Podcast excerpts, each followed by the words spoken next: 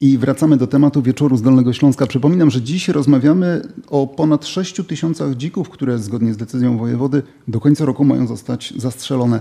Pani prezes, pamiętam nasze audycje sprzed lat, nawet tutaj w Legnickim Studiu Radia Wrocław, w programie z samorządowcami zwracała Pani uwagę na narastający problem wędrówek dzikich zwierząt do miast. Czy od tamtej pory jakakolwiek instytucja miejska, może myśliwi, Wydział Zarządzania Kryzysowego zgłosili się do Was, by wspólnie stworzyć jakiś program zabezpieczenia miasta i jednocześnie zwierząt, prawda?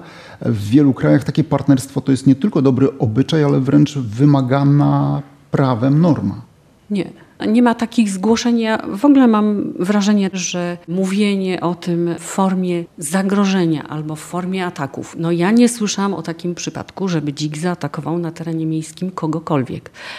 E, oczywiście Mo możemy przekazywać takie informacje, możemy o nich mówić szeroko, ale to nie powoduje rzetelnej edukacji i podnoszenia świadomości o tym, jak zachować się w takiej sytuacji. Bo wydaje mi się, że jest to niezwykle ważne, abyśmy się zachowali w sposób odpowiedzialny w przypadku, kiedy następuje sytuacja zagrożenia, a nie reagowali w sposób nadmiernie intensywny, bo to rzeczywiście może być dużo gorsze dla bezpieczeństwa ludzi. Myśliwi i ekolodzy. Obie grupy walczą w imię troski o naturę, a stoją po dwóch stronach barykady. A może Legnicy myśliwi jakoś współpracują z fundacjami proekologicznymi?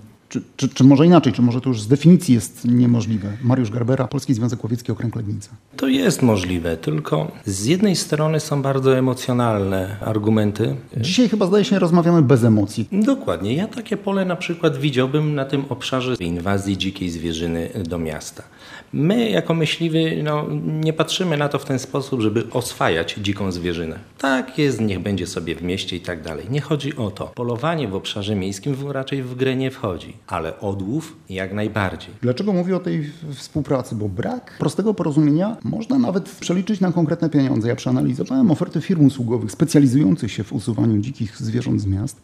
Około 800 zł musi zapłacić właściciel terenu, czyli w tym przypadku samorząd, za każdego zastrzelonego i wywiezionego dzika, pod warunkiem, że nie będzie protestów społecznych. Bo jeśli będzie ktoś z transparentem, to trzeba takiej firmie zapłacić za przyjazd i odstąpienie od zadania 2000 zł. I wbrew pozorom nie są to jakieś hipotetyczne kwoty. Przenieśmy się na chwilę do Wałbrzycha. To jest fragment rozmowy naszego reportera Bartosza Szarafina z Wiesławem Basą, kierownikiem Biura Bezpieczeństwa i Zarządzania Kryzysowego w tamtejszym magistracie. Od maja ubiegłego roku do czerwca tego roku na terenach, które nie wchodzą w skład obwodów łowieckich, czyli odrzucając prawie jedną trzecią miasta, odszczelono ponad 65 dzików. Ale anomalie biologiczne, gdzie nie ma zim, które naturalnie selekcjonowały i słabsze osobniki padały, kiedyś taka locha pierwszy raz się prosiła, jak miała 3 lata, a teraz lożki proszą się już takie, co mają półtora roku i to dwa razy w roku niektóre. I mimo, że my tyle tutaj na teren miasta odstrzeliwujemy, nie widać, żeby ta populacja dzika się zmniejszała. One teraz migrują, bo jak się wprowadzono odstrzał, to dzik z tego miejsca uciekał. Wychodzą z reguły z kompleksów leśnych. Mści się na nas to, że była nieprawidłowa gospodarka łowiecka, która spowodowała to, że od końca ubiegłego wieku do teraz nadpopulacja dzika z 90 kilku tysięcy stworzyła się i wynosi ponad 200 tysięcy. Więc ten dzik naturalnie szuka gdzieś pożywienia. Trochę to przypomina pracę Syzyfa, który wtacza kamień pod górę, ale tutaj padło takie zdanie. Mści się na nas nieprawidłowa gospodarka łowiecka sprzed lat. Czuje się pan współodpowiedzialny?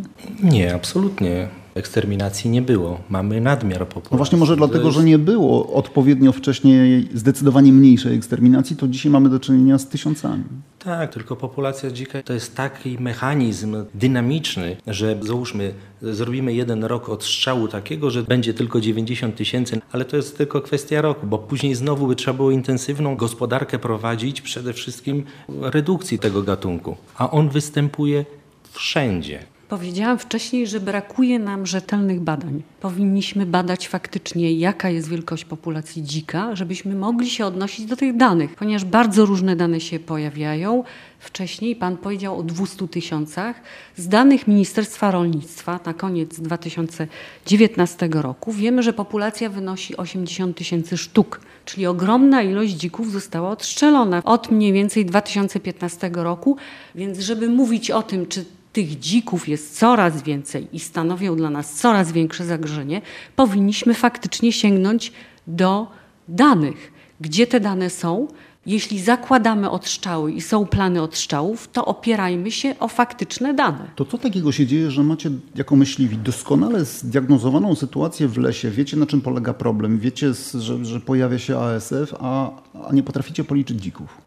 Umówmy się na liczenie dzików. 312 tysięcy hektarów powierzchni Polski. Bociany da się policzyć? Da. Bo się liczy. Są szacunki, co roku się liczy. E, I tak samo są pewne metody liczenia, tak zwanych próbnych pędzeń. Weźmy pod uwagę koło łowieckie moje, jedność w Wądrożu Wielkim. Gospodaruje na 4,5 tysiąca hektarów, obejmuje obszar jednej gminy. Przepędzić, wypędzić z każdych krzaków każdą zwierzynę jest to nierealne. Nie ma takiej metody. I tu stawiamy kropkę, za chwilę wracamy do tematu.